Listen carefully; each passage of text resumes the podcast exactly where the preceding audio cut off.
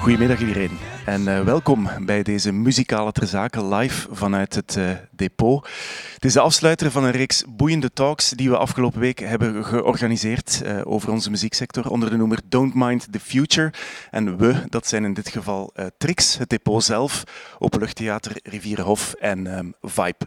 We gaan vandaag terugblikken op die vier talks en we gaan ook vooruitkijken naar de toekomst, de toekomst van onze muzieksector. En dat doe ik vandaag met een heel eh, boeiend, interessant en ook eh, gevarieerd panel. Met eh, daarin bijvoorbeeld Mike Naert, gastheer vandaag, directeur van het depot. Afgelopen maanden ook verveld tot toponderhandelaar voor onze muzieksector. Mike, bedankt dat we hier een week mogen kamperen. Heel fijn. Meer dan welkom. Leen Laconte, directeur OCO, Overleg Kunstenorganisaties, werkgeversorganisatie en belangenbehartiger voor de gesubsidieerde kunstensector. Ook fijn dat jij er bent. Jan van Esbroek, CEO Sportpaleisgroep en eh, de voorbije maanden ook heel vocaal geweest over economische impact, over ehm, steunmaatregelen ook, over de toekomst ook. Ehm, met jou gaan we het daar straks ook over hebben. Fijn dat je tijd kon maken om hier te zijn. Aan mijn andere kant Jana Tricot, programmator Openluchttheater Rivierenhof. Voorbije maanden helaas ook niet voluit kunnen gaan, eh, uiteraard. Ehm, ook welkom. En last but not least, een muzikante zowaar. Esther Libeert, eh, samen met je man of je lief, Maarten, man, zelfs, vorm je het duo The Antler King. Ehm, welkom. We hebben ook nog drie andere gasten, drie mystery guests, die er vandaag helaas niet live konden bij zijn. Maar we zijn ze de afgelopen week wel gaan eh, interviewen. Ik heb het over minister Jan Jan Bon, minister Frank van den Broeke en minister Krevits. Hun antwoorden gaan we vandaag hier ook op tafel leggen en erover eh, praten met dit panel. Nu we weten wat we het komende uur eh, gaan doen, kunnen we daar maar beter meteen aan beginnen. En Jan, ik ga meteen bij jou beginnen, want ehm, ik weet niet of ik het mag zeggen, maar ik ga het toch doen. Je hebt jezelf in aanloop naar dit panel een paar keer een commercieel zwijn genoemd. En ik moest daaraan denken toen ik eh, afgelopen dinsdag Kurt Melis van de Handelsbeurs hier hoorde vertellen dat ehm, in crisistijd dat de afstand tussen gesubsidieerde en commerciële sector dat die eigenlijk verkleint. Hij zei van we, we hangen allemaal af van hetzelfde publiek, we zijn afhankelijk van dezelfde, eh, dezelfde leveranciers. Ik zou ook durven toevoegen, ondertussen zijn we allemaal afhankelijk van hetzelfde geld of hetzelfde overheidsgeld. Ehm, ervaar jij dat ook zo? Ervaar jij dat in deze crisis dat, dat gesubsidieerde en commerciële sector dat die dichter bij elkaar gegroeid zijn? Dat, dat we elkaar beter begrijpen misschien? Wel, ik denk dat het vooral dat laatste is. Eh, het, het klopt dat natuurlijk een, ik zal het maar noemen, een gemeenschappelijke vijand, en dat is in dit geval een, een, een coronavirus.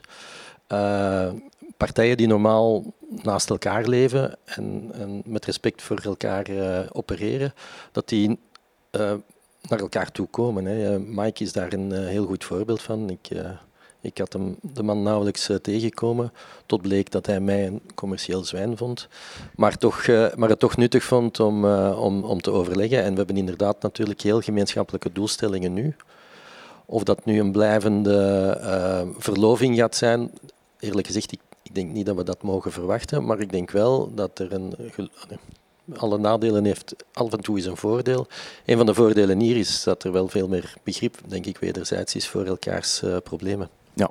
En nu zit je hier in het hol van de gesubsidieerde Leo. Oei, maar ik ben hier eh, heel goed ontvangen. Hoor, dus ik, eh, Leen, ja, jij spreekt dan voor die gesubsidieerde sector. Hoe, hoe, bekijk jij dat? Hoe, hoe voel jij dat aan? Kurt zei ook nog van ehm, de, de, de, de, de waardeketen in onze sector zit hem in, in, het, in het collectief. Hè? Dat is anders in andere sectoren. Hoe ervaar jij die afstand of, of, of wat er de afgelopen maanden gebeurd is tussen die beide kanten van dezelfde sector eigenlijk?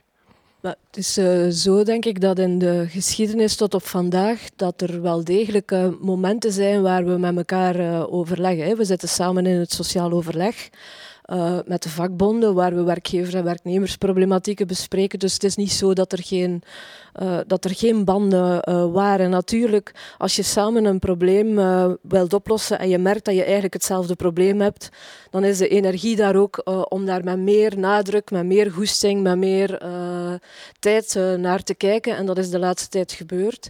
Ik denk dat voor veel spelers eigenlijk wel al heel lang duidelijk is dat er een, dat er een, uh, een, een, een, relatie is tussen commercieel en niet-commercieel. In die zin dat er veel van onze acteurs, muzikanten in beide werelden werken, technici hetzelfde, toeleverancier toeleveranciers hetzelfde. En als een systeem onder druk komt te staan, dan krijg je een beetje een Dr. Bebber-effect. Dan zie je plots al die verbanden heel hard oplichten omdat er stress is. Dat is wat de laatste tijd is gebeurd. Het heeft ons uh, wel in staat gesteld om met meer aandacht naar elkaar te luisteren. Trouwens, niet alleen met de commerciële sector. Ik denk dat de intensiteit van het spreken met uh, andere deelsectoren, uh, het erfgoed, het, het sociaal-cultureel werk, amateurkunsten, de hele filmwereld, de hele wereld van de literatuur, waar wij vanuit podiumkunsten misschien op federaal niveau niet zo, pardon, op landelijk niveau misschien niet zo heel veel dagelijks contact mee, dat alles is geïntensifieerd. Dus de hele cultuursector uh, heeft elkaar uh, veel sterker gevonden dan het geval was. Dat klopt wel, ja. Er is heel lang gezegd dat de muzieksector enorm versnipperd, enorm verdeeld is. Zijn we vandaag meer verenigd dan ooit, denk je? Ik denk dat we uh, ons samen bewust zijn geworden van een aantal pijnpunten waar we, uh, waar we beter met elkaar optrekken in de toekomst dan het apart te doen. Dat klopt in, elk geval wel, ja. Oké. We gaan misschien een eerste keer een van onze excellenties aan het woord laten. Afgelopen maandag trokken we naar het Martelaarsplein in Brussel om uh, Jan Jan Bon te interviewen. We hebben hem een aantal vragen voorgelegd, um, maar um, we hebben het zeker ook gehad over uh, steunmaatregelen. We hebben aan uh, minister Jan Bon gevraagd welke steunmaatregelen voor onze sector volgens hem werken, gewerkt hebben en welke niet. En dit was daarop zijn reactie. Uh, ik denk dat heel veel steunmaatregelen genomen zijn uh, op federaal vlak en op, uh, op Vlaams vlak. Federaal vlak denk ik de tijdelijke tewerkstelling, dat dat echt wel in de cultuursector, maar in heel de brede economische sector echt wel gewerkt heeft. Um, dus dat is, dat is denk ik een, een, een, belangrijke, een belangrijke maatregel. Um, op, op Vlaams niveau hebben we heel wat, heel wat dingen gehad. We hebben het, beschermingsmechanisme gehad, we hebben de activite activite culturele activiteitenpremie, die toch echt wel gewerkt heeft. Uh, die 35 miljoen die we daarvoor uitgetrokken hebben, die zijn... Uh, allez, dat is redelijk rap ingevuld met, met aanvragen. Dus dat heeft zeker gewerkt. Het noodfonds voor cultuur, de lokale invulling, denk ik dat goed gewerkt heeft. Dus we hebben een heel aantal geld laten beheren door de lokale besturen. Ehm, met het noodfonds hadden we gehoopt dat de trickle-down, om het zo te noemen, eh, van, van grote organisaties die uit het noodfonds zouden krijgen en daardoor de uh, mensen die wij moeilijker kunnen bereiken, uh, de mensen vaak in precaire statuten, dat men daar, dat, men daar dat, dat, dat de trickle-down daar naartoe zou gewerkt hebben, dat heeft minder, minder, goed, minder goed gewerkt. dus we hebben dat, dat, dat niet zien gebeuren en vandaar dat we die activiteitenpremie terug ingewerkt hebben. We hebben nu net de globalisatiepremie goedgekeurd. Dat is voor organisaties uh, in de evenementensector, brede evenementensector, dus ook de cultuur, die hun omzet heel drastisch, 70 en 90 procent naar beneden hebben zien, uh, zien vallen. Uh, dus dat is nu nog maar, nog maar nieuw. en dan hebben we ook een hele reeks ik zal zeggen, financieel instrumentarium, die als we in de fase van, uh, nu was de fase van liquiditeit, zien dat mensen kunnen overleven, maar dan komen we een fase van solvabiliteit, waar mensen uh, ja, facturen terug moeten gaan betalen, achtergestelde facturen, waar dat eventueel leningen voor moeten aangegaan worden. Daar hebben we ook een heel financieel instrumentarium voor, voor, voor klaarstaan, via PMV. En daar zal de uitdaging zijn dat dat ook tot bij de cultuursector komt. Want die instrumenten staan open voor de cultuursector, maar zijn vaak niet genoeg uh, gekend. Dus denk, dat is denk ik de volgende, de volgende uitdaging. Mike, jouw reactie hierop. Hoe heb jij die steunmaatregelen, zowel Vlaams als federaal, zien evolueren de voorbije maanden? Wat heeft volgens jou gewerkt, wat niet? Hoe reageer jij op wat, wat minister Jan Bon zo net zei? Uh, ik denk, uh, wat, dat waar is, is dat we um, uh, zeker van COVID de Roet ge geëvolueerd zijn naar een, een, een, een goede overlevingssteun. een pakket van overlevingsmaatregelen. Um, maar dat neemt niet weg dat we de facto elf maanden gesloten zijn nu. En elf maanden is lang. Hè. En ook ehm, We zijn dan wel even open geweest, maar eh, als we deze week de cijfers van Sabam zagen over de ticketinkomsten in zomerperiode, festivalperiode, zag je een verlies van 99% En daar uh, sluit ik even aan bij, bij wat Jan zei over verschil gesubsidieerde en, en de commerciële sector. Ja, onze eigen inkomsten die zijn zo goed als volledig weggevallen. Hè. Ook in onze organisatie, wij zijn licht gesubsidieerd en dankzij die subsidies hebben wij het misschien uh, iets gemakkelijker om te overleven. Hè. Maar uh, gelukkig is daar dan inderdaad die globalisatiepremie uh, bijgekomen. maar we zitten met hetzelfde probleem. Wij zien onze eigen inkomsten hebben wij in 2020 ook met 90% zien, wegvallen. En, en eigenlijk is dat het, het, het grote probleem is eigenlijk misschien niet bij ons, maar is inderdaad, wat dat, wat dat Kurt ook uh, dinsdag aanhaalde in de waardeketen, is eigenlijk iedereen die achter ons zit. en dat zijn in eerste instantie zijn dat de artiesten, techniekers, andere cultuurmedewerkers, mensen die, uh, die toeleverancier zijn, daar zit het probleem. En daarvan zegt minister Jan Bon, die trickle-down heeft niet gewerkt. Hè? Dat eerste noodfonds heeft blijkbaar volgens hem niet gedaan wat het wat wij, ze beoogt wij hebben, wij, hebben, wij hebben daar een stuk, een stuk op gewerkt. Hè, maar je weet dat er daar zijn, er zijn wel wat problemen geweest om, uh, bij de gesubsidieerde organisaties om, om toegang te krijgen daartoe. We hebben dat wel gehad en van de, de steun die we daar gekregen hebben, daar is wel, denk ik, 35 à 40 procent is wel naar die toeleveranciers gegaan. Leen, jij wil graag reageren? ik wil daar uh, heel graag iets over zeggen. Ten eerste denk ik dat uh, in deze tijden uh, steunmaatregelen bedenken, dat dat geen eenvoudige zaak is, omdat we tot op vandaag nog steeds ontdekken wat precies de impact is van de crisis waarin we zitten. Dus alle respect voor beleidsmakers die van alles proberen te doen. Ik denk de twee uh, systemen die minister Jan Bon heeft vernoemd, de activiteitenpremie en het noodfonds, uh, zijn uh, goed bedoeld geweest, maar er zitten ook weefselfouten in. Um, het noodfonds is gekomen op een gegeven moment uh, dat we met dat organisaties zoals die programmeren nog aan het nadenken waren over we gaan schuiven in de tijd. Hè? Dus we gaan de beloftes die we hebben, de engagementen naar artiesten die we hebben, die gaan we gewoon in de tijd verschuiven. We gaan die niet annuleren, maar we gaan die verschuiven. Dus dat komt wel goed.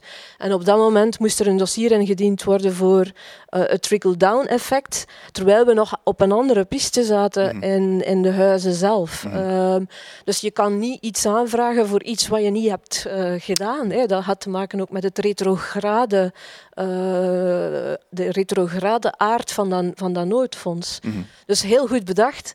Maar uh, ik, ik, denk, moest je vandaag zo'n noodfonds lanceren met de duidelijke oproep van jullie kunnen voor de, de maanden die gaan komen uh, dat trickle-down effect meenemen in jullie beleid, dan, uh, dan zijn de aanvragen torenhoog. Hè. Ja.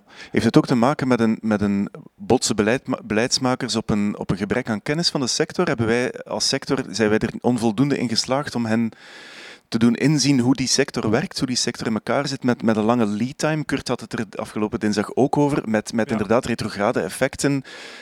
Zit daar ook een probleem? Probleem in, in ik, ik begrip, in communicatie ook? Ik, ik denk dat dat, we dat, dat dat iets is dat we geleerd hebben, dat we dat elke keer opnieuw moeten uitleggen we doen dat ook, hè, dat je de, eigenlijk heel die, die lange waardeketen hebt hè, en dat, dat het lang duurt, heeft dat er dingen tot bij, die eind, uh, bij de eindgebruikers of de eindmensen zitten. Ja. Uh, en daar heb ik het opnieuw, dat, dat, dat, het duurt lang.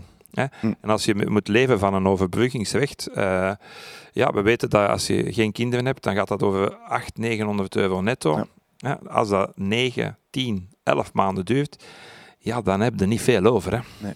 We gaan het zo meteen eens even ja. vragen aan Esther, ook hoe het, hoe het bij haar. Uh, ik, wou nog heel even naar jou, Jan, want het discours is de afgelopen dagen, de afgelopen week een beetje veranderd, verschoven heb ik het gevoel, naar, vooral nu naar de festivals. Iedereen zit heel erg met die, met die festivals nu in, uh, in zijn hoofd. Uh, 60 miljoen is er vrijgemaakt voor de evenementensector, maar toch echt wel ook met een nadruk op die, op die festivals.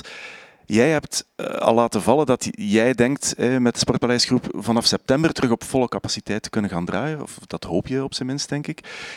Het is niet omdat je dan open gaat dat er geen nood meer is aan, aan steun, aan financiering, dan denk ik. Hoe, hoe kijk jij nu naar die shift in, in, in, naar die nadruk die nu even ligt op dat festivalseizoen en de periode die erna komt. Ja, dat is een, uh, een grote val waar we toch moeten vermijden dat we dan intrappen. En ik ben het met u eens.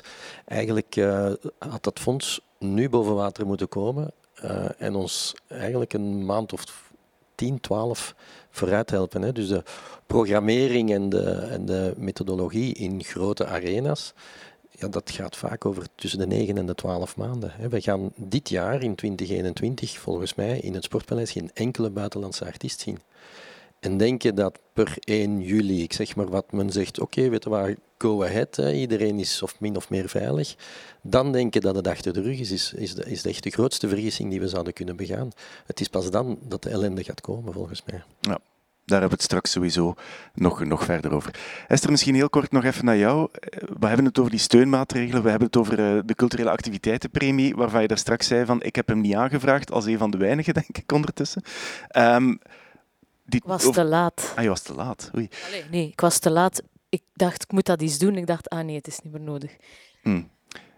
Hoe we gaan het straks hebben over hoe jij werkt, hè, onder welk statuut enzovoort. Daar, daar uh, horen we zo meteen minister Van den Broek ook over. Als het gaat over steun, over die trickle-down, over geld dat doorcijpelt tot bij de leveranciers, toeleveranciers, tot bij de artiesten uiteindelijk. Hoe heb jij dat ervaren de voorbije maanden? Ik denk, um, als ik spreek voor de individuele uh, kunstenaars en artiesten, um, je hebt de commerciële sector, je hebt de alternatieve sector. Wij zijn de plantrekkerssector. En dat is een beetje het grote probleem dat bij alle artiesten is. Dat iedereen is het gewend om al jaren, zoals ik zelf ook, al, je zit al twintig jaar ermee bezig en eigenlijk trekt al twintig jaar je plan in dit systeem.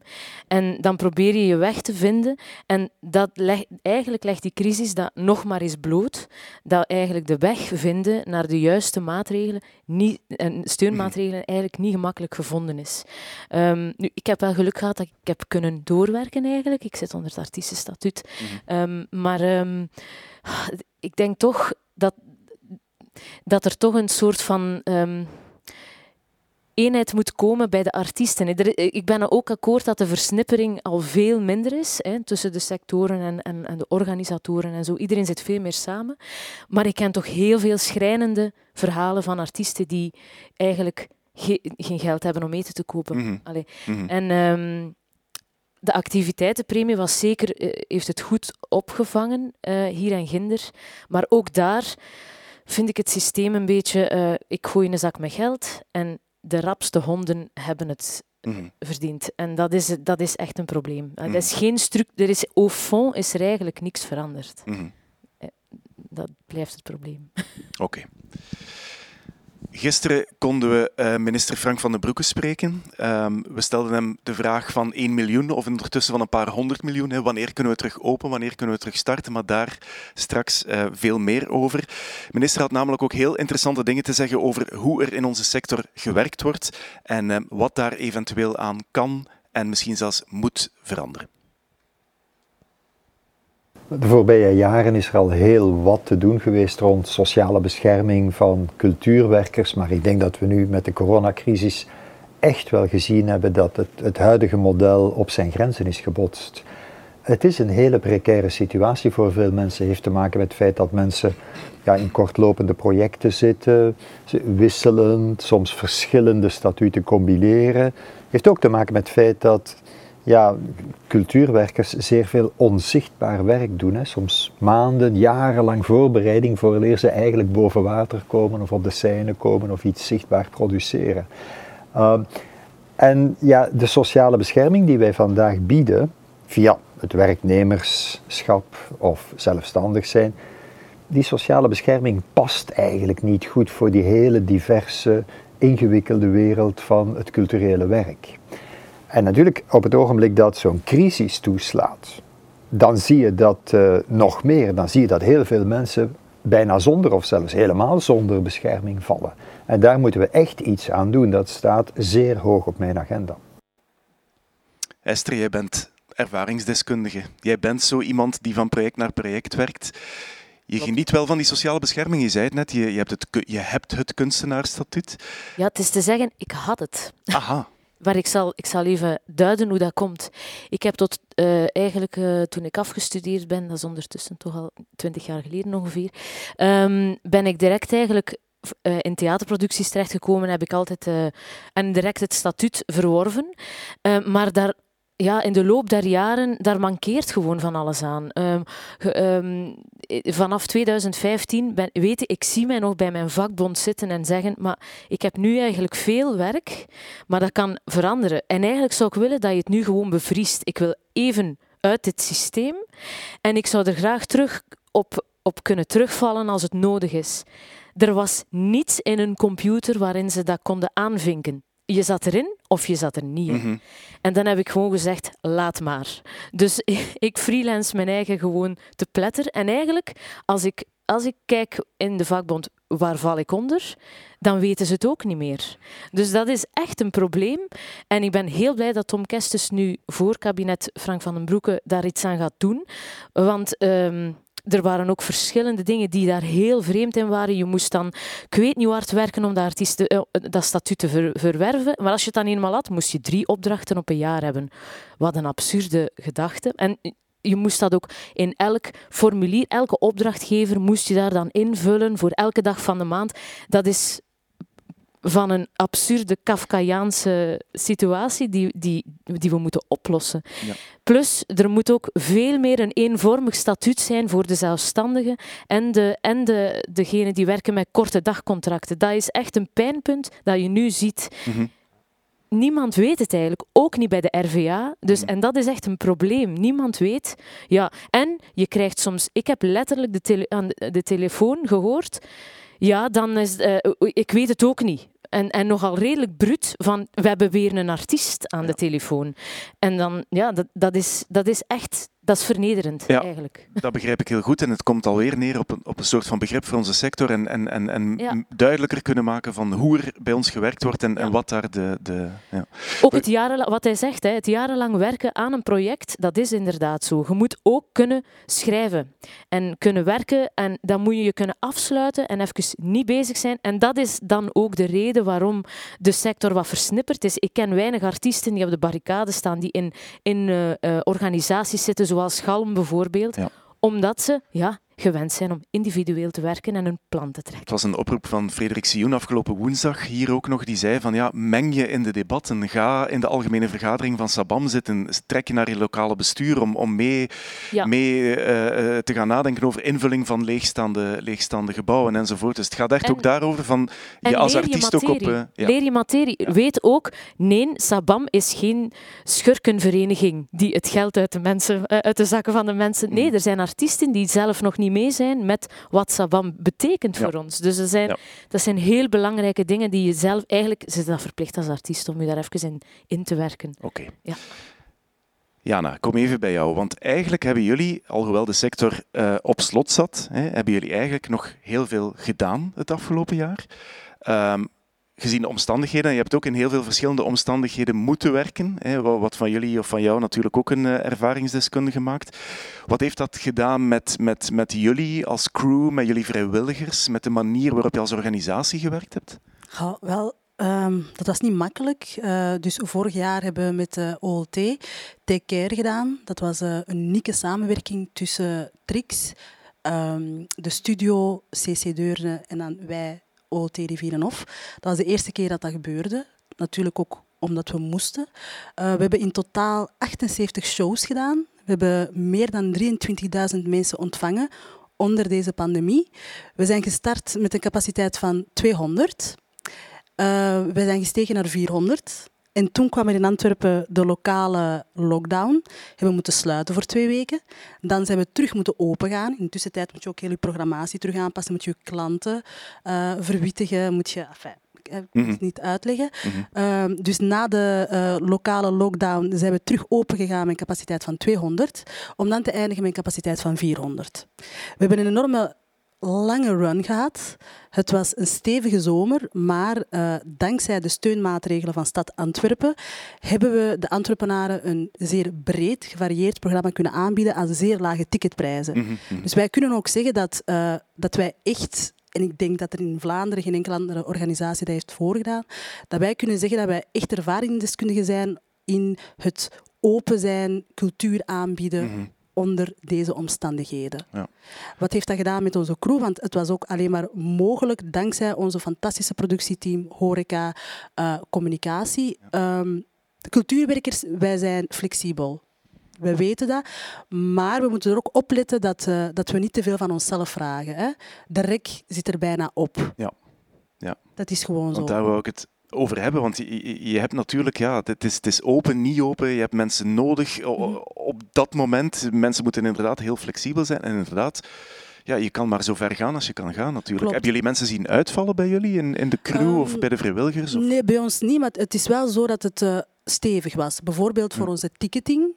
Zij zijn de eerste lijnwerkers, dus zij zijn ook de eerste die communiceren met ons publiek. Hm. Zij moeten communiceren en wij zijn nu gesloten. En Hm. nee, dit concert is verplaatst drie weken verder.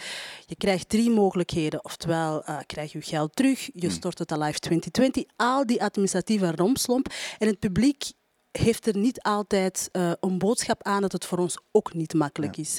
Ehm, ook eh, bijvoorbeeld, je maakt beloftes aan toeleveranciers zoals eh stagehands, eh, techniekers.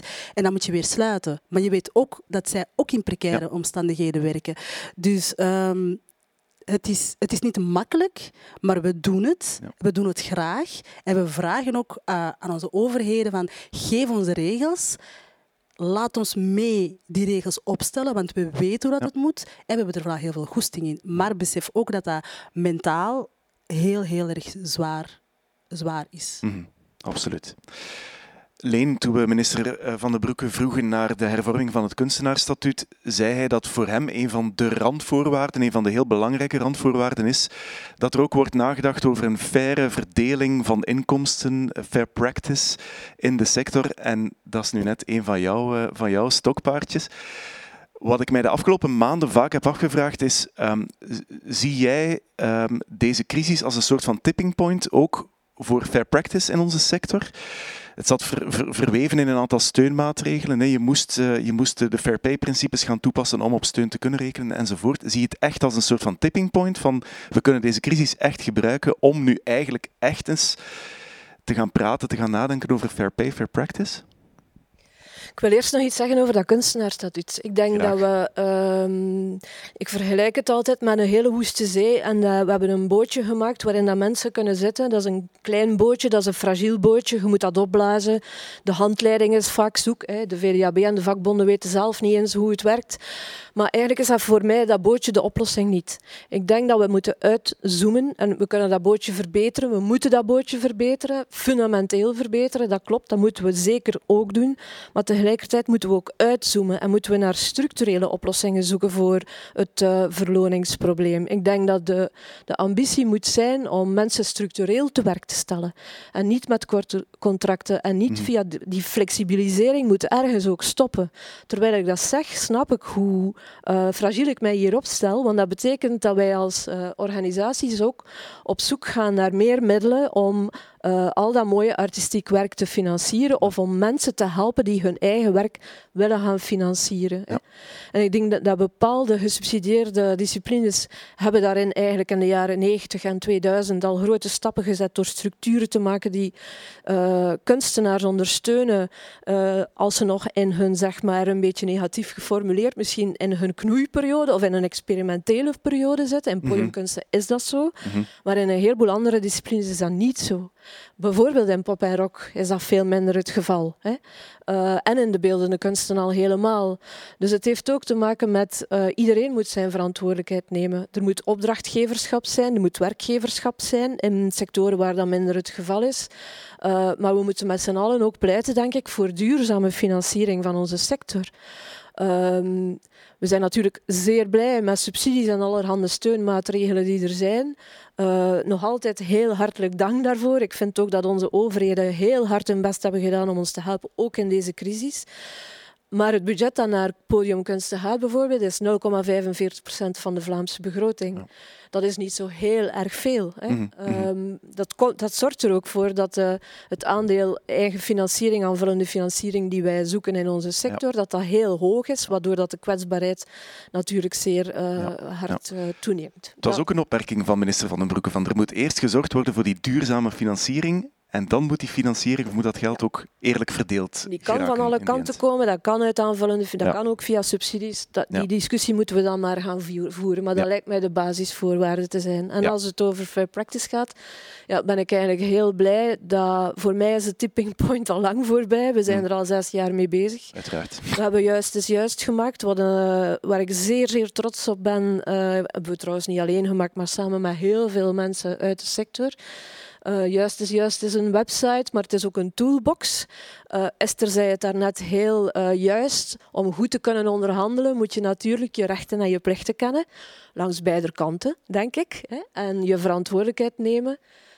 Heel veel mensen zijn vaak niet op de hoogte van die rechten, ook niet van de plichten. En daarom vinden we het belangrijk dat je goed uitgerust aan een onderhandelingstafel komt. En dat kan je leren. Eh, en dat vraagt tijd, maar dat vraagt ook het doorgeven van informatie. Dus juist is juist is een soort afsprakenkader van zo, dit zijn de regels die we willen volgen. Dat zijn vaak ook wettelijke regels. Hè? Dus het is niet eens zaak dat je daar zou kunnen aan ontsnappen of Mhm, zo. Hè? mhm, mhm. Dus dat zijn vaak eh, afspraken die we met elkaar maken, maar het gaat ook over en hoe werken we nu samen? Wat zijn de waarden, de normen die ons drijven in eh, hoe wij ons met elkaar eh, verhouden binnen organisaties, buiten organisaties, individu versus individu, individu versus sector. En eh, de- ook een thema dat ik al een paar keer heb horen terugkomen is die informatiedoorstroming. Hè? En weten, weten hoe het in elkaar zit en, en, en, en weten hoe de sector eh, in elkaar zit. Esther, jij Ja, wou graag Ik wou eh, daar reageren. graag ja. even iets op inpikken bij die fair practice en de prijzen bijvoorbeeld. Wat bijvoorbeeld heel moeilijk is, en nu, nu dat ik eigenlijk al een tijdje meedraai in deze sector, ben ik het gewoon, maar ik moet bijna dagelijks of een paar keer wekelijks prijzen onderhandelen, gages. Dat is een heel moeilijk punt dat je moet doen als individuele kunstenaar. En ik denk, als iemand net afgestudeerd is, je staat zo zwak je, eh, op dat moment, want je wil zo graag alles doen en je wil spelen en je wil gezien worden, dus alle kansen die je krijgt, neem je. Maar eigenlijk zou er van bovenuit inderdaad toch een soort van start, een kader moeten zijn, waarbinnen, ja, gelijk dat je het CAO hebt eigenlijk, maar dat er toch een, een kader is waarbinnen je kan werken. Ik, allee, ik zeg niet dat, dat, dat je niet kan onderhandelen niet meer Mhm. over prijzen, maar dat is toch wel echt heel belangrijk. Ik, voel- ik, ik ervaar dat nog altijd als een lastig punt. Ja. Het onderhandelen over prijzen. Ik Dat snap ik. En het, het kader is er natuurlijk wel. Hè. Er is een wettelijk kader om, om, om, om op terug te vallen. Is ook wat, wat juist is juist ook wil doen. Van, dit kader is er en, en binnen dat kader kan je aan de slag gaan. Het is helemaal niet sexy, maar de collectieve arbeidsovereenkomst staat ergens voor. Hè. Dat is het kader eigenlijk waar jij aan refereert. Ik denk wel dat het eh, eh, in de praktijk eh, komt het erop neer dat we met z'n allen gaan afspreken hoe we die kaders gebruiken. In het kader van Pop en Rock, denk ik, is het belangrijk dat je weet wie is hier nu de opdrachtgever, wie is de werkgever, Mhm. wie is de initiatiefnemer, wie is verantwoordelijk voor de financiering van wat ik doe. Eh, die kaders zijn er. Het zijn eh, minimale kaders. We mogen dat niet vergeten. De verloning in onze sector ligt laag. Hè. Mhm. Eh, we zitten ongeveer op hetzelfde niveau van, van de horeca. Dat zijn de, dat zijn de laagste kaders die er eigenlijk zijn. Hè. Dus vandaar ook dat zoveel mensen die dan uit de boot vallen, dat die ook echt diep vallen. Ehm, maar goed, dus de kaders zijn er en er is ook bereidheid in, in Pop en Rock, hoor ik, eh, en we zijn daar zeer blij mee, om te gaan zoeken van hoe kunnen we die kaders nu Ja. op een betere, een transparantere, eh, een duurzamere manier gaan eh, invullen in de toekomst. Dat werk wordt nu gedaan en daar zijn we zeer blij mee. Zeker en vast. Er- Heel kort, Jana. Ja, ik zou er nog even willen aan toevoegen. Ik spreek vanuit eh, ja, de praktijken en eh, het feit wat we doen. En hetgene wat ik heb gemerkt in deze tijden is dat eh, bijvoorbeeld de gangbare fees, ja, het is niet meer mogelijk door die capaciteitsverlaging. Eh, maar de artiest die komt spelen, die speelt exact dezelfde set als normaal gezien voor 800 of 2100 man zou zijn. En nu is het de capaciteit van 200. Dus heel die onderhandeling moet terug gaan beginnen. Ja. Ook de kosting wordt terug helemaal herbekeken. En ik vind dat persoonlijk als programmator wel een moeilijke. Want eh, eerlijke verloning voor de artiest is iets heel belangrijk. Maar een gezond financieel beleid voor uw huis is ook zeer belangrijk. Dus ik vind dat, ja, Ja. dat is iets dat we sowieso nog wel over moeten hebben. En die twee op, op elkaar afgestemd krijgen, daar zit hem... Klopt. Ja, ja, oké. Even iets uh, helemaal anders nu. Uh, als minister van uh, Economie heeft Hilde Krevits uiteraard veel geld gestoken in steunmaatregelen die ook voor onze sector van levensbelang zijn. Maar ze is natuurlijk ook voogdijminister van het agentschap Innoveren en Ondernemen. En dus hebben we aan minister Krevits ook een aantal vragen gesteld over de digitale toekomst van onze muzieksector. Er is een hele evolutie aan de gang in de muzieksector. Uh, ik ben persoonlijk een hevige fan van live concerten, maar we zien dat er ook nieuwe pistes onderzocht worden, zoals bijvoorbeeld virtuele concerten. Ik vind dat heel goed dat de sector uh, ook uh, die weg inslaat. En als het gaat over heel innovatieve concepten, dan kan er ook steun aangevraagd worden bij de diensten, mijn diensten economie. Maar dan moeten het echt wel heel innovatieve projecten zijn. Uh, dus wij steunen eigenlijk vanuit de innovatiemiddelen de voorlopers in de sector. Uh, zij die uh, nadien zaken implementeren van de grote vernieuwers, daar ben ik aan het kijken of het mogelijk is om een kader te maken ook uh, voor steun. Voor KMO's gaat dat, voor VZ2 voorlopig, voor VZ2's voorlopig nog niet. Maar als je echt heel innovatieve ideeën hebt, dan kan je altijd uh, bij ons komen aankloppen om ook wat steun te krijgen. Jana, jullie hebben veel geld gestoken in een platform, Openlucht Theater Rivierhof en de Arenberg, Spotlight, waar deze talk ook, ook live gestreamd wordt.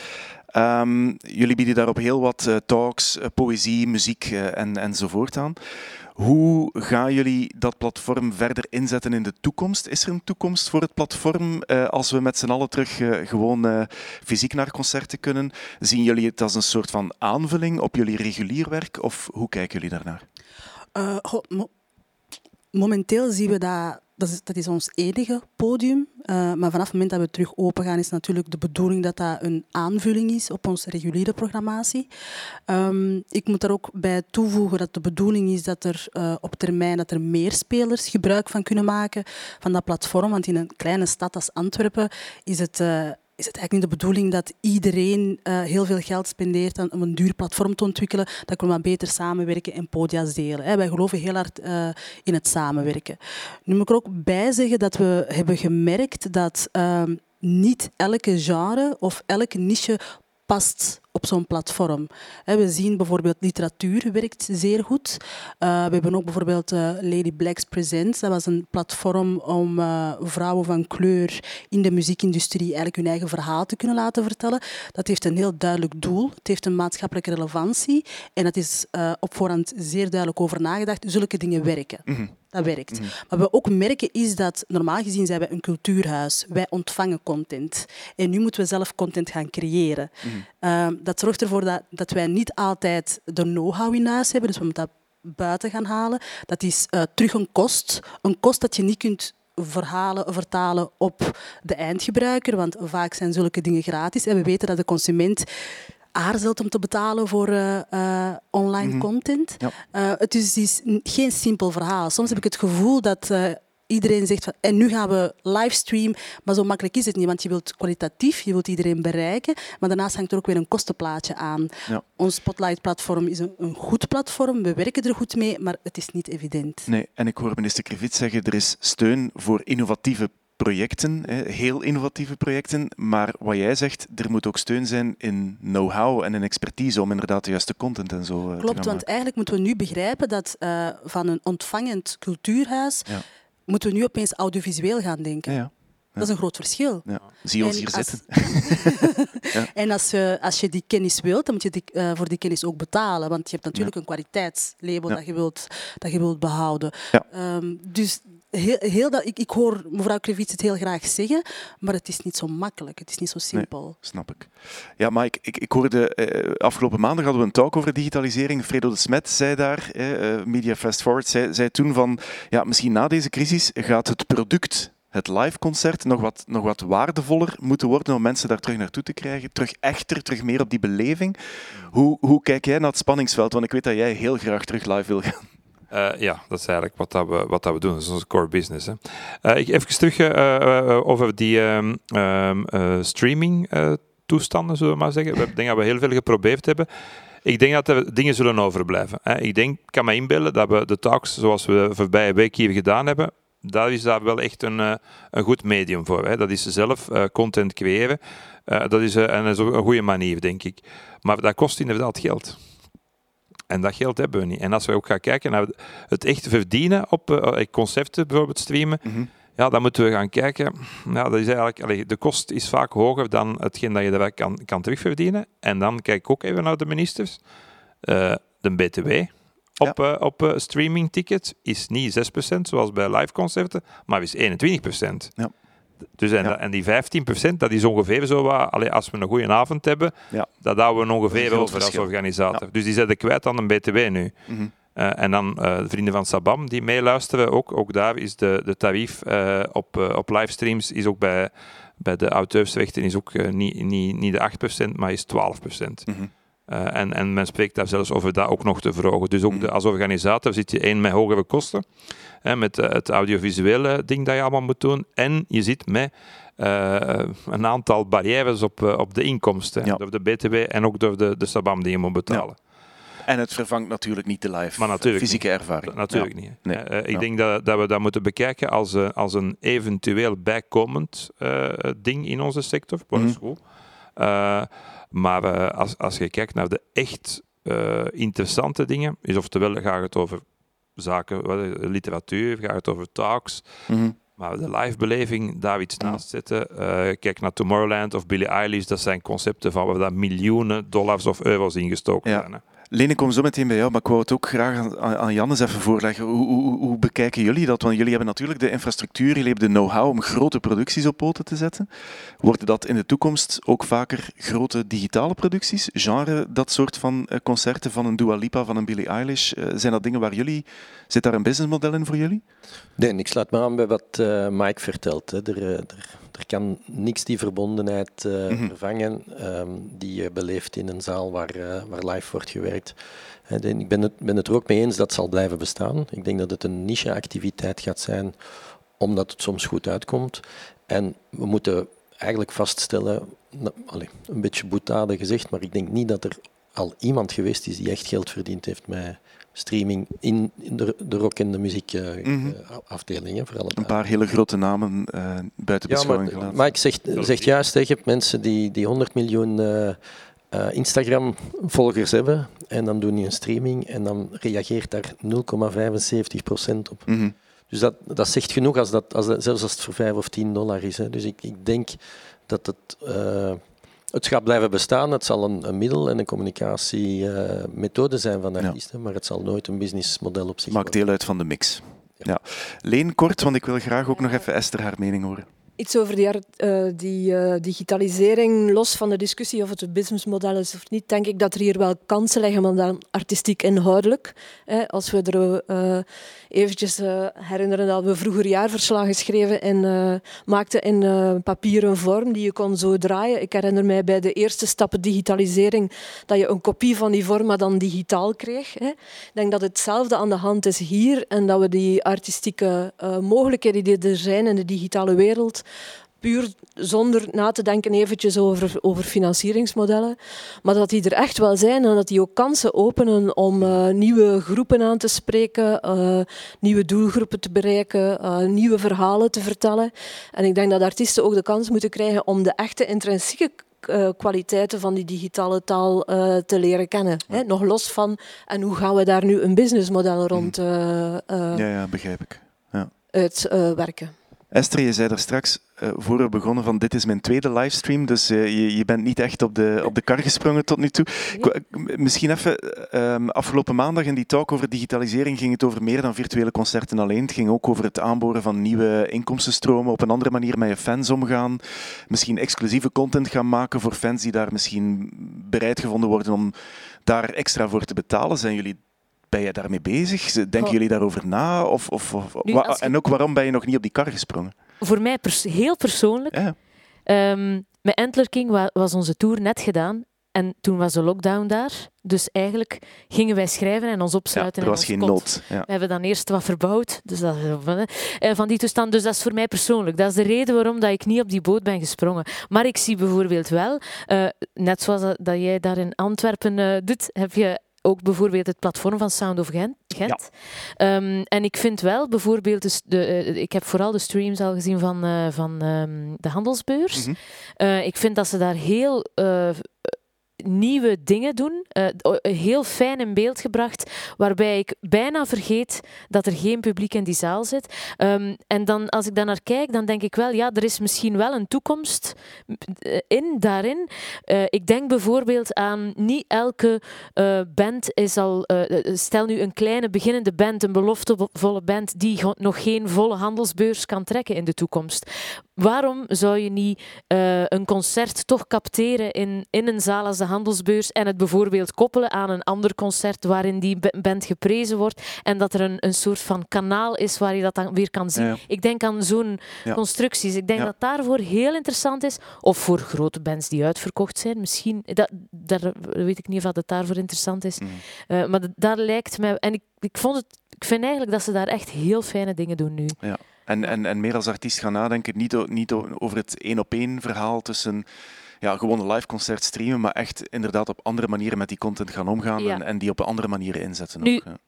Heel kort nog. Ja, heel kort wil ik wel even zeggen, voor mij persoonlijk, bij mij breekt al een beetje het eh, ik krijg het er al een beetje van, maar ik denk, oh, hoe moet ik dat dan technisch gaan doen? Dus Mhm. er, er is wel, allee, ja, als artiest, ik word daar zo moe van dat je dat ook nog eens zelf moet bedenken. Ja. Eigenlijk, daar moet je ondersteuning krijgen. En er zijn heel veel eh, mensen nu die, die, die, die ge- geen werk hebben, eigenlijk, Ja. die niet kunnen werken. Dus zet die alstublieft in voor die artiesten die niet zo technisch onderlegd zijn, misschien. Ja, gisteren hadden we hier een, een heel eh, boeiende en ook heel urgente eh, talk over inclusief werken in onze, in onze muzieksector. Bart Roger van Demos gaf een, gaf een heel boeiende keynote. Hij noemde het eh, een moedige keuze om in een reeks talks als deze ook over inclusiviteit te praten. Ik denk dan als je spreekt over de toekomst van de muziekindustrie of de muzieksector, kan je natuurlijk ook gewoon niet anders dan daar heel diep en heel fundamenteel over te gaan praten. Het ging gisteren over representatie, het ging over een seat at the table, ehm, het ging over het herverdelen van macht eh, enzovoort. Mike, ik ga even naar jou kijken. Hoe zit het hier in dit huis? Hoe zit het binnen jouw crew, binnen jouw team, eh, sleutelposities binnen je organisatie, bestuursorgaan? Hoe zit het met die representatie? Moeten daar we heel levelijk in zijn. We hebben nog veel werk hè, om, om, om van een echt inclusieve organisatie te spreken. Ehm, van, maar we vonden dat heel belangrijk, eh, ook samen met, eh, met collega's van, van OLT en Twix en jullie, van Vibe, om, om, om dit op de agenda te zetten. Je kunt dat niet meer weg, je kunt dat niet meer uit de weg gaan. Eh, die, die, die, problematiek. Je moet daaraan gaan werken. Ik denk dat we qua, qua gender zitten we vrij oké. Ehm, ik vind in ons vrijwilligers had ik al gehoopt dat we daar al stappen verder hadden kunnen zetten, maar dat is ook nog niet zo. Maar ik kijk gewoon even, even terug naar het, het muziekoverleg waar dat we over spreken. Hè. Mhm. Een paar weken geleden zaten we samen en in zo'n Zoom kunnen we dat heel goed zien. Want daar zie je 25 mensen bijeen. De enige vrouw die dat daar was, was Leen. Ze waren met, ze waren Ah ja, met z'n twee, tweeën. hè? Ja, ja. Dat was de keer daarvoor, dan was jij er niet. Dat was Leen alleen. Ja. Maar er zat nul kleur in. Absoluut. Dus, eh, en, en ik was, en, en ik ben dan ook niet meer zo, ik was daar een van de jongeren.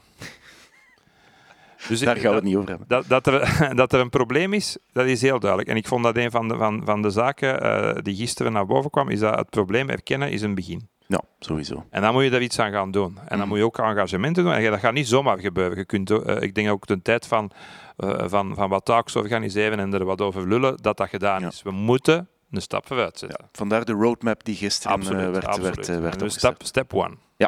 Jana, jij hebt het heel raak verwoord, ook in, eh, in aanloop naar die, eh, dat gesprek van gisteren.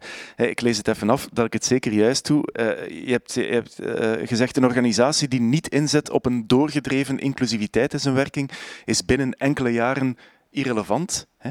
Ehm, en het gaat natuurlijk niet alleen over kleur en het gaat niet alleen over gender, het gaat ook over handicap, het gaat over seksualiteit enzovoort enzovoort. Ja, kan je dan nog, kan je dan nog wat verder toelichten? Wat bedoel je met irrelevant? Hè? Want het- is, het is wel, een, het is wel een, een, een krachtige term die je daar gebruikt. Oh ja, ehm, wat heb ik daarover te vertellen? Hebben we een uurtje? Mm, Ik vind dat je gelijk hebt. Dank je wel. Goh, Ehm, sowieso ehm, heb ik het gevoel dat we binnen de sector, als we het hebben over inclusiviteit, dat we blijven steken op gender en kleur. Klasse, ehm, een zichtbare handicap, leeftijd, dat zijn allemaal dingen dat we moeten meenemen. Hè, heteronormativiteit. Eh, het tweede ding dat ik erover wil zeggen is dat uh, Rachida Lammerbet zei gisteren iets heel interessants. Uh, vaak cultuurhuizen zeggen... "Oh, die mensen die willen niet naar ons huis komen. Of oh, waarom vinden ze onze programmatie nu niet zo interessant? En dan zegt ze eigenlijk heel erg terecht, door die denkhouding of door die houding leg je eigenlijk het probleem bij de gemarginaliseerde groep. Dat zorgt ervoor dat jij als huis of als organisatie geen introspectie moet doen. Jij moet jezelf ook niet in vraag stellen. Want wie weet, heb, heb je je horeca al bekeken? Heb je je gebouw al deftig onder de loep genomen? Kan iedereen er letterlijk fysiek binnen? Ja. Dus dat is, dat is echt iets dat, dat wij als cultuurwerkers wij moeten dat veranderen. We moeten de- niet de schuld of, of de oplossing gaan zoeken bij de gemarginaliseerde groepen. We moeten eigenlijk eerst onszelf bevragen. En als derde, eh, en dan spreek ik over mijn rol als programmator, hè, dat als je een artistieke lijn uitlegt, ik, ik vind persoonlijk dat een homogeen verhaal met een homogeen programmatie, waarbij altijd hetzelfde narratief naar voren wordt eh, gebracht, ik vind dat heel saai. Dat is gewoon saai. En ergens, als je, het, als je als programmator daar niet mee bezig wilt zijn of het niet wilt doen, dat is eigenlijk een intellectuele luiheid. Je En- zegt nu, het is je verdomde plicht als, als programmator, als je wil een interessant artistiek, eh, een interessante artistieke affiche aanbieden, eh, dat je niet anders kan. Klopt, los van eh, het economisch aspect. Hè. Want als ik zeg dat we niet meer relevant zullen zijn, als we in, in, in mijn stad zitten we ongeveer aan 55% van de jongeren die niet wit zijn. Mhm.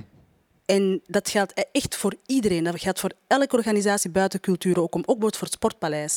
Als je binnen 15 jaar die mensen in uw zaal wilt, en we, we- en we hebben ze nodig, want zij zijn de toekomst, dan moet je er nu al aan, aan werken. Zij moeten zich er nu al thuis voelen. En zij zijn ook de belastingbetalers van morgen. Als zij nooit met cultuur in contact zijn gekomen, want zij waren niet welkom, tussen aanhalingstekens, in jouw huis, waarom zouden ze jou dan verdedigen?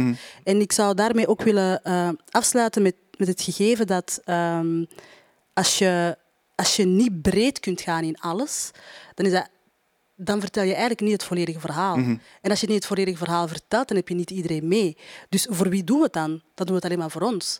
Maar zelfs voor mij persoonlijk, denk ik, ik zie mezelf nooit vertegenwoordigd in mijn eigen sector. Ik heb geen peers in mijn eigen sector.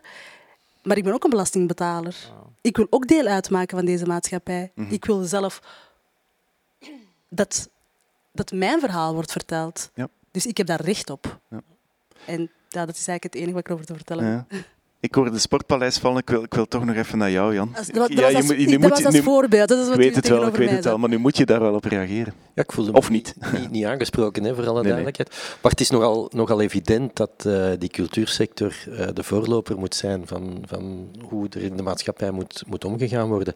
En dat is bij ons ook. hè. Eh, en aan de andere kant, net zoals bij Mike, moeten wij ook erkennen dat wij achter de feiten aanhollen. Heeft ook een beetje te maken met ons gewoon eh, businessmodel. Hè. Wij, wij, wij hebben geen subsidies waarmee we dingen kunnen doen of eh, waar we heel veel mee kunnen experimenteren. Maar top, top-down in onze organisatie, naar aanleiding, om maar iets te zeggen over eh, ras en kleur, hè, de Black Matters Live eh, gegeven, wordt heel zwaar doorgedrukt van, vanuit de Verenigde Staten, waarbij wij op dat eh, principe zeiden van, maar wat, wat verwijt je ons eigenlijk? Dat is toch de evidentie zelf. Maar de evidentie stopt, zoals eh, Jana terecht zegt, bij ons denk ik vooral op eh, de seksuele geaardheid en, en kleur eh, en, Ja, en ras. ja. En het, het klopt, heel af en toe hebben wij artiesten waar wij in de zaal mensen zien die wij nooit, nooit, eh, nooit eh, over de vloer krijgen. Ja. Maar dat is omwille van de uitstraling van die artiest. hè. Wij doen niet aan programmatie, dus we kunnen dat niet sturen. Ja. Veel mensen willen reageren en dat vind ik natuurlijk heel terecht. We gaan het even kort moeten houden. Mike, je was al langer eh, aan het wachten, Nee, nee, Esther ook. maar Ja. Ik denk het belangrijkste is gezegd door, Ja- door Jana. Hè. Je kunt, en, en dat was eigenlijk wat dat Dieter gisteren ook zei. Hè. Je kunt in, een- in, een, eh, in, in een stad als Antwerpen, maar ook hier, hè, je kunt ook gewoon 60, eh, die 60 procent, met mensen met een migratieachtergrond, die zich niet thuis voelen in, een- in, in een club, dat klopt niet. die, die, dat, dat, moet- dat moet veranderen gewoon. Dus je, je, je, je moet op een of andere manier ervoor zorgen dat die zich wel thuis voelen in je huis. Hmm. En dat kan voor een stuk gaan door, door programmatie, maar dat is niet alleen genoeg. Ik denk dat we, als we kijken, als ik kijk naar mijn eigen huis, we, we hebben een zeer diverse pro- eh, programmatie. En best, best, eh, best vier op. Maar dan nog is niet genoeg om bepaalde doelgroepen nieuw te krijgen. Soms moet je daar echt nog op een veel, andere, veel hardere manier op forceren. Ik ga, ik jullie zo meteen laten reageren, maar ik wil graag iets, iets, eh, iets laten zien. Nog een, een, een quote of een stukje uit de talk van gisteren ehm, van eh, Rashida Lamrabet. Op een bepaald moment vroeg eh, moderator Jawad Aloul ehm, aan Rashida of er volgens haar toekomst zit in, in quota. En dit is wat ze daarop zei. Wat mij betreft wel. En liever vandaag dan morgen. Maar drop het, het, het woord quota en mensen gaan op hun achterste poten staan. Hè. Dus dat is iets wat men niet, niet graag hoort. Hè. Uh, maar ik denk, de situatie is zodanig onrechtvaardig en ondemocratisch, al heel lang, dat ik eigenlijk geen, geen uh, andere oplossing zie dan dan men door, door drastische maatregelen te nemen om die situatie wat recht te trekken. Het is een zaak van herverdeling. Wat, wat moeten wij herverdelen? Wij moeten macht herverdelen, wij moeten economische macht herverdelen, wij moeten uh, de, de, de, het mogelijk maken dat mensen die uh, ondergerepresenteerd zijn en die wel een stem hebben, maar geen podium, dat die een podium krijgen. Dus dat zijn allemaal dingen die je niet zomaar kan uh, bewerkstelligen zonder harde middelen, harde tools. En, en zo'n tool is zijn quota, zo'n tool is bijvoorbeeld ook positieve actie. Dat zijn dingen die we allemaal... Die... Leen, het is, het, is een, het is een gesprek en een discussie op zich, maar misschien gewoon heel even vanuit je buik. Moeten we dat willen, quota? Hoe, sta jij daar tegenover? Quota in onze sector? Quota kunnen helpen op een bepaald moment van, van waarbij dat je van punt A naar B gaat. Dus ik sluit dat zeker uh, niet uit, maar het is niet het enige dat moet gebeuren of dat kan gebeuren. Ik denk dat de, de mate waarin dat mensen in een organisatie het gevoel hebben dat ze allemaal winnen door dit te doen, dat is minstens even belangrijk. Um, want het gevoel ontstaat soms uh, van ik moet hier een plek, plek afstaan. Hè. Dat is de perceptie die men krijgt. Of er komt, de doos is klein, dus als er iets in komt, dan gaat er ook iets uit. En dat zal ik wel zijn, misschien, hè, als metafoor dan. Mm -hmm. uh, dus er moet ook werk gemaakt, dat is net zoals bij Fair Pay. Je moet ook uh, werk maken van een mentaliteitswijziging tegelijkertijd. Van, je moet ook het gevoel geven als leidinggevende dan, hè, want ik spreek voor een werkgeversfederatie, ja, ja.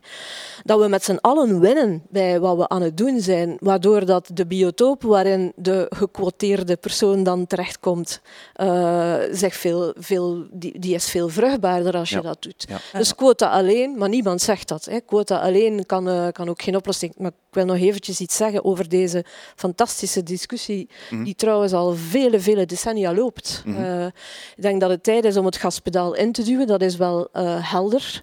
Um, ik denk ook tegelijkertijd uh, dat er heel wat competenties in onze sector zijn die door de jaren en de decennia heen zijn opgebouwd als het gaat over die inclusie, het betrekken van mensen, participatie, uh, het sociaal-artistieke werk wat we met z'n allen doen, kunsteducatieve werk, wat we, die competenties zijn er en we moeten die uh, zien te ontginnen. Die mm. moeten gebruikt uh, worden ook voor, voor, voor de volgende stap die we nu moeten gaan zetten. Hè. Het lijkt ja. soms alsof dat er in die hele gesubsidieerde sector niemand is die mee wil. Dat, dat is ook niet helemaal mm. waar. Uh, dat klopt ook niet. En een laatste ding is, ik zou het heel fijn vinden als vrouw van mijn leeftijd, ik ben 57, dat er met de oudstrijders in deze ook gepraat wordt. Hè. Uh, de oudstrijders, daarmee bedoel ik al die mensen die, het zijn er misschien niet gigantisch veel, maar ze zijn er. Mhm. Er zijn, en vaak zijn het mannen van boven de 55 uh, uh, die bovendien ook nog eens blank zijn, Mhm. maar er zijn medestrijders in onze sector te vinden. De oudstrijders, betrek die, laat ons dit probleem op een intergenerationele manier uh, aanpakken. Dat is wat ik wou zeggen. Mooie oproep. Leen, begrijp ik het goed dat OCO gaat voor de quota's? OCO is een ledenvereniging, dus ik beloof jou dat ik dat met de leden ga bespreken. Esther, wou, heel kort. Ja, ik wou kort nog zeggen dat, dat um, bijvoorbeeld naar um, bepaalde groepen van mensen in uw zaal krijgen die moeilijk in de zaal te krijgen zijn. Het heeft soms ook wat te maken um, hoe je als organisatie bijvoorbeeld, ik heb lang in de Brugse Poort in Gent gewoond. Hè. Daar heb de, de zaal, de vieze Um, die hebben buiten... Allez, je zou dan een concert kunnen organiseren waar uh, bijvoorbeeld de Turkse gemeenschap naar zou kunnen komen kijken. Maar bijvoorbeeld een initiatief was, wij richten gewoon een koor op. En wij laten iedereen meezingen hier in de buurt. En dat zijn initiatieven die los van die concerten en van uw programmatie zijn, maar die super belangrijk zijn mhm. om eigenlijk ervoor te zorgen dat je dan misschien een, een concert kan organiseren dat buiten de, buiten de reguliere programmatie gaat. Hetzelfde zie ik in de handelsbeurs. Ik zie, en dat heeft eigenlijk te maken met één iemand die ik toch wel, dat is Wim Wabbes, die mhm. fantastisch is. Die komt van de vooruit, die gaat naar de handelsbeurs en je voelt direct dat die, dat die geest doorgetrokken wordt. Hij heeft Syrische vluchtelingen, uh, muzikanten die hier waren laten uh, musiceren. Op het moment dat de zaal leeg was, mochten die daar komen repeteren. Er zijn samenwerkingen mogelijk. Mhm. En dat vertrekt vanuit eh, de goodwill om in die maatschappij tussen andere gemeenschappen te gaan staan. Je kunt dat niet van aan de zijlijn ja. superviseren, want dat, dat gaat gewoon mhm. niet, denk ik klopt helemaal. En het vereist vooral ook een, een nieuwe manier van denken natuurlijk, eh, waar, we, waar we nog heel lang over kunnen praten. Maar helaas is de tijd uh, beperkt. Voor we deze week Don't Mind the Future Talks helemaal gaan afsluiten, gaan we inderdaad ook wel nog eens naar die nabije future gaan kijken. We vroegen aan minister Jan Bon wat volgens hem de pijlers zijn van een degelijk relancebeleid en uh, dit was zijn antwoord. Ja, ik zie er daar een, dus ik zie een drietal belangrijke relancemaatregelen. Eén is natuurlijk, de relance is terug opengaan.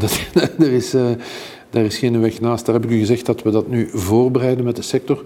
Twee, uh, zie ik ook dat uh, binnen de sector eh, dat er eigenlijk heel veel uh, steunmechanismen en, en, en dingen bestaan en die minder geweten zijn bij de sector. Dus dat denk ik dat we zeker iets, dat we zeker iets aan moeten doen. En dat gaat voor mij gepaard met toch de vele precaire statuten die er in de sector zijn. Dus ik, we, we, hebben uh, met, de ministers, met de gemeenschapsministers voor cultuur, maar ook met de federale overheid, en nu afgesproken dat we eigenlijk dat werk gaan maken van het kunstenaarsstatuut. Ik denk dat dat belangrijk is.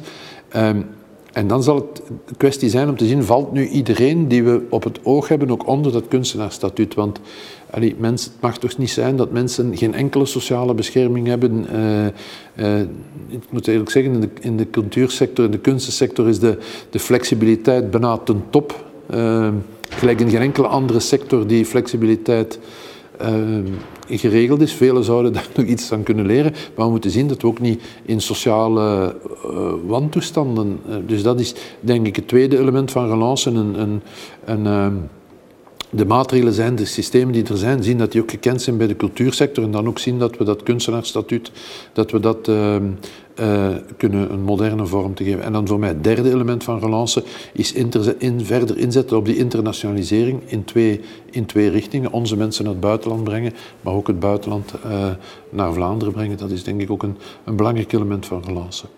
Ja, flexibiliteit ten top in onze sector, dus gaan we ook een klein beetje flexibel zijn met de tijd, maar niet te veel. Uh, Leen, jouw reactie op wat je hoort. Ik, uh, ik hoor minister Jan Bon zeggen dat de hervorming van het kunstenaarsstatuut een van de pijlers is van zijn, van zijn relatieplannen, van hoe hij naar die relatie kijkt. Uh, hoe kijk jij ernaar? Ook niet alleen naar dat hoor, maar ook naar, naar de andere dingen die je hem hoort zeggen over internationalisering bijvoorbeeld. Ik zeg maar iets. Alles wat hij zegt klopt, maar het is een begin. Ik denk dat we de impact van de relance start voor mij pas als we volop aan, uh, aan volle capaciteit kunnen werken. Dat gaat nog een tijd duren. Dus we zitten nog in een crisis. Hè. We kunnen eigenlijk nog niet van relance spreken. Die relance, die, de, de financiële problemen die dit veroorzaakt, eh, dat is een, een domino-effect. Dat gaat vele jaren duren. We kunnen niet onmiddellijk terug, zeer snel, op de volle capaciteit terugwerken die we uh, tot nu toe, of tot voor de crisis, uh, wel konden werken. Dus die regeneratietijd die zal schatten wij, drie, vier, vijf jaar duren. In 21, 22 zitten we met een onwaarschijnlijke flessenhals waar niemand weet wat er mee te doen. Uh, dat zal allemaal zijn effecten hebben. Dus het duurt vele malen langer uh, dan we. Dat is één belangrijk inzicht. En twee, niet alles zullen we kunnen goedmaken met, uh, met het economisch heropstarten. Er zijn elementen in onze werkingen die uh, impulssubsidies, denk ik, of impulsondersteuning nodig zullen hebben. Ik denk dan bijvoorbeeld aan alles wat participatie is. Het heeft te maken met wat Jana zei. Uh, zolang je niet op volle capaciteit kan werken, en denk ook nog een stuk daarna, dan heb je het risicokapitaal niet uh, om voluit te werken. Uh, dus de presentatieplek zit met meer kosten uh, dan voorheen. De producent moet eigenlijk twee, drie keer hetzelfde doen voor hetzelfde budget. Mm. Dus de, je zit daar met een financieringsdeficit, zeg maar, waarvan wij denken dat de meest kwetsbare kinderen, jongeren, ehm, alles wat schoolvoorstellingen is bijvoorbeeld, uh, zal straks door de, mond, door de mand vallen, omdat de financiering onvoldoende zal zijn om het op een, op een, uh, op een voldoende hoog niveau zo snel mogelijk weer te starten. Wat belangrijk is, niet voor die centen, maar voor het effect dat je haalt met je participatief werk met kinderen en jongeren in schoolvoorstellingen bijvoorbeeld. Mm. Hè. Ik noem nu maar één mm. uh, ding. Ja. Je hebt het ook over volgehouden steun natuurlijk. Hè? En minister Krevits had het daar in ons gesprek uh, ook over. Laat ons daar misschien ook nog eens even naar luisteren wat ze daarover uh, te zeggen had. We beseffen zeer goed dat de crisis nog een tijdje zal duren. Dus het is niet zo als je het normale leven terug op gang laat komen, dat alle problemen opgelost zijn. Er is vaak uitstel van betaling verleend of zo. Dus het zal een hele zware dobber zijn voor de sector om dat ook te boven te komen. Mensen moeten ook durven terug naar uh, concerten en zo gaan. Want het is niet omdat het mag dat iedereen uh, zal gaan. Dus we zullen daar ook moeten kijken hoe dat loopt. Dus vandaar dat we ook met de overheid zeer goed in het oog willen houden hoe de sector evolueert, hoe de draagkracht evolueert. En we zullen steun geven zolang dat nodig is. Want wat we niet willen, is dat een sector die eh, wereldtop is, dat die eh, massaal over kop gaat. En dat dat leidt tot duizenden en duizenden banen eh, die verloren gaan. Ja, ik denk dat we dat met z'n allen niet willen natuurlijk. Jan, wat is voor jou een, een, een degelijk relancebeleid? Ook over welke termijn spreken we? Hè? En, en wat zijn misschien ook andere voorwaarden die de minister niet opnoemt. Want jullie bijvoorbeeld werken heel vaak met internationaal toerende artiesten. Daar is ook nog niks over gezegd. Ik bedoel, dat zijn allemaal factoren die meespelen natuurlijk. Dat is wat ik daar juist ook zei, en ik hoor het daar eigenlijk graag vertellen. Als het, uh, als het dan ook kan waarmaken, dan, mm -hmm. uh, dan kus van mij en een bank vooruit. Wij, uh, wij schatten dat we eind 22 pas uh, op het niveau gaan zitten van voor de crisis. En dan ben ik hier de, de gemakkelijkste van allemaal, want wij hebben niet echt een een maatschappelijke roeping uh, te vervullen. Hè. Wij, zijn niet gesubsidieerd. Soms heeft dat ook een voordeel hè, uh, in dit geval. Maar het gaat, uh, het gaat voor ons um, nog, nog ruim een jaar en een half duren vooraleer dat wij min of meer normaal operationeel zijn. En ik ben het met u eens, Leen. Ehm, het is een beetje als een coma-patiënt. Een patiënt die een maand in coma ligt, die heeft een jaar nodig om te recupereren. En ik denk dat onze sector daar niet veel moet voor onder doen. Wij gaan een jaar, een jaar en een half plat liggen. En ik denk dat dat uh, vier, vijf jaar gaat duren vooraleer alles weer in zijn uh, normale plooi zal vallen. En laat ons hopen dat er ondertussen geen andere drama's gebeuren. Ja, absoluut. Mike, misschien nog een korte reactie?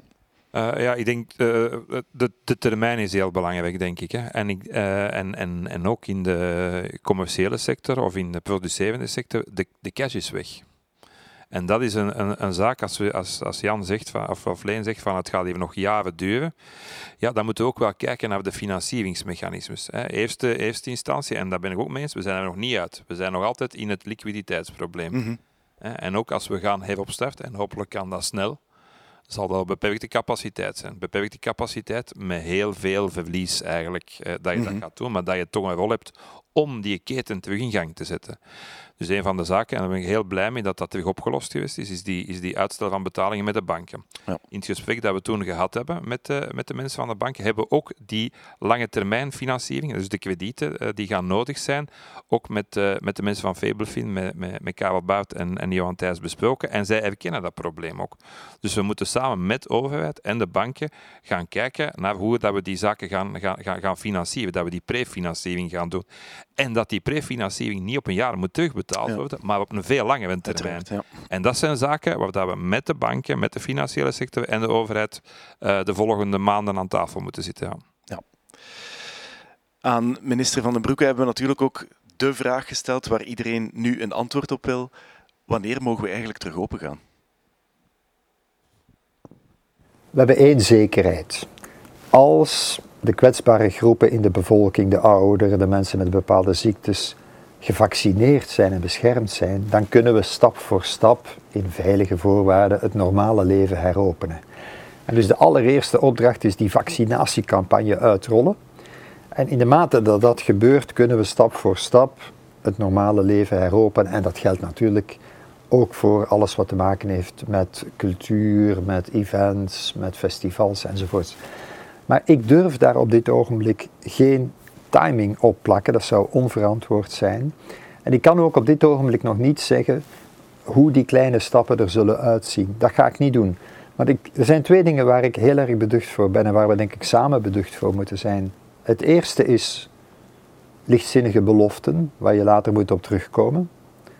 Valse zekerheid geven is erger dan onzekerheid erkennen. Ik wil geen valse zekerheden geven, geen valse beloften. De tweede uh, moeilijkheid is dat als we te snel zouden willen terugkeren naar het normale leven, ja, dat we dat misschien heel duur zouden kunnen bekopen. En dan krijg je een soort van yo-yo-beweging die je in een aantal landen ziet, waar men na een lockdown snel versoepelt, omdat iedereen er naar snakt, te snel.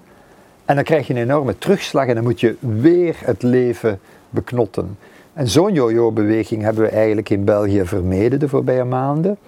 En ik wil dat blijven vermijden. Ik heb liever dat mensen een, een stabiel uitzicht hebben, eerder dan te snel versoepelen en dan weer gas moeten terugnemen. Dat willen we absoluut niet. Dat wil ik zeker de cultuursector ook niet aandoen. En dat ligt, legt eigenlijk uit waarom ik voorzichtig ben. Ik weet zeker, we gaan dit winnen. Ik weet zeker, het normale leven komt terug. De vrijheid komt terug. Als we voldoende mensen gevaccineerd hebben. Wanneer dat zal zijn en hoe de tussenstappen zullen zijn, daar ga ik vandaag geen uitspraken over doen. De minister zegt eigenlijk niks echt nieuw of niks wereldschokkends. Ik wil toch graag jouw reactie en het laatste woord vandaag is voor de artiest dan. Goh, Eerlijk, uh, voor OLT Rivierenhof, wij zijn klaar om te openen. We hebben tien hm. scenario's klaargelegd. Uh, communicatie is klaar om te communiceren. Wij kunnen openen, we hebben die ervaring. En we vragen ook uh, aan het bestuur om ons mee te nemen in die gesprekken. Dus niet boven ons hoofd, maar met ons. Daarbij moet ik ook nog uh, bijzeggen dat door het feit dat we zo snel moeten schakelen, hebben we financiële middelen nodig. We kunnen dit niet zonder de extra financiële middelen heb een paar keer gezegd, maar het is echt nodig. Mhm. Ik wil er ook bij zeggen dat um, wat in dit verhaal een beetje ontbreekt, is het feit dat uh, de maatschappelijke impact dat wij als cultuursector op de maatschappij hebben. We hadden bijvoorbeeld het concept OT Club. Dat was een, een uh, jongere traject, jonge muzikanten uh, uh, de kans geven om in een professionele setting volledig hun ding te kunnen doen. Wij hebben die middelen niet meer om dat te kunnen doen. Dus dat zorgt ervoor dat wij eigenlijk onze maatschappelijke rol niet meer kunnen oppakken om er mee voor te zorgen dat we een inclusieve maatschappij hebben, dat we een gezonde maatschappij hebben. Want wij als sector we staan in een vacuüm. Hè? We staan ten dienste en in de mhm. maatschappij. Mhm. Een gezonde maatschappij is ook een gezonde cultuursector. Dus ik hoor het hem wel graag zeggen, maar we hebben perspectief nodig. En praat ook met ons, niet over ons. Lijkt me een heel duidelijke boodschap, waarvoor uh, dank. Esther. Wel, um, ik wil dat eens even niet economisch benaderen, even, omdat we dat net al gedaan hebben. Ik ben het er ook allemaal mee eens. Um, ik denk ook dat we terug dat jullie veilige scenario's hebben om terug open te gaan. Ehm, ik denk dat de sector dat al bewezen heeft. Maar ik zou het eens vanuit het standpunt van een artiest willen schetsen. En ik ben eigenlijk... Het is jammer dat ik het niet zelf tegen die minister kan zeggen, dat hij het niet hoort. Maar je moet goed beseffen dat de deuren gaan dicht een jaar geleden. En heel je identiteit van 20 jaar, in mijn geval, uh, bouwen aan een artistieke carrière en daaraan puzzelen en elke dag mee bezig zijn, die wordt op pauze gezet. Die staat stil. En als je geen perspectief geeft aan mensen die die op zijn minst, ja, dat, dat, dat weegt. Het is niet zo, we gaan open en dat gaat daar direct terug zijn. Want ik voel dat dat bij heel veel mensen heel zwaar weegt. En dan ben ik een van de gelukkigen die nog mijn boterham heeft kunnen verdienen. Hè. Dat zijn er nog die ergere dingen hebben, die geen geld hebben. Maar dat is die impact, die gaan we nog zeer lang voelen. Ook de jaren daarna, wat daar net gezegd werd van de, van de flessenhals. En ik, ik voel het nu al. De kleinere bands, de grotere bands gaan voorrang krijgen op de kleinere bands bijvoorbeeld, omdat de zalen moeten terug vol geraken. En al die producties staan on hold, die moeten allemaal ingehaald worden. Maar het nieuw materiaal dat nu geschreven wordt of in de maak is, je wacht daar niet, niet vier jaar mee om dat naar buiten te brengen. Dat is een, een heel moeilijk gegeven. Dus ik denk dat die crisis, en ik wil daar niet te pessimistisch in zijn, maar dat gaat nog jaren, we gaan dat nog jaren voelen. Dus um, misschien toch wel met de streaming blijven verder doen. Toch, toch nog maar eens proberen Ja, een culturele activiteitenpremie Ja. of zo los te weken. Je weet maar Nog nooit. een, nog een zak geld gooien, graag. We zien elkaar volgend jaar terug, denk ik dan. En dan, dan, dan zien we waar, waar we staan. Ehm, we, gaan, we gaan hem hier neerleggen, deze muzikale ter zake. Ik wil eh, heel graag heel veel mensen bedanken, maar ik ga beginnen bij, bij dit fantastische panel. Mike, Leen, Jan, Jana en Esther, heel hard bedankt voor jullie inzichten, voor jullie tijd. Eh, heel fijn dat jullie erbij waren. Ik wil heel graag het depot als huis bedanken. Ik wil de crew van het depot bedanken, want die hebben fantastisch werk geleverd de afgelopen week. Trix, Openluchttheater, Rivierenhof en eh, Vibe.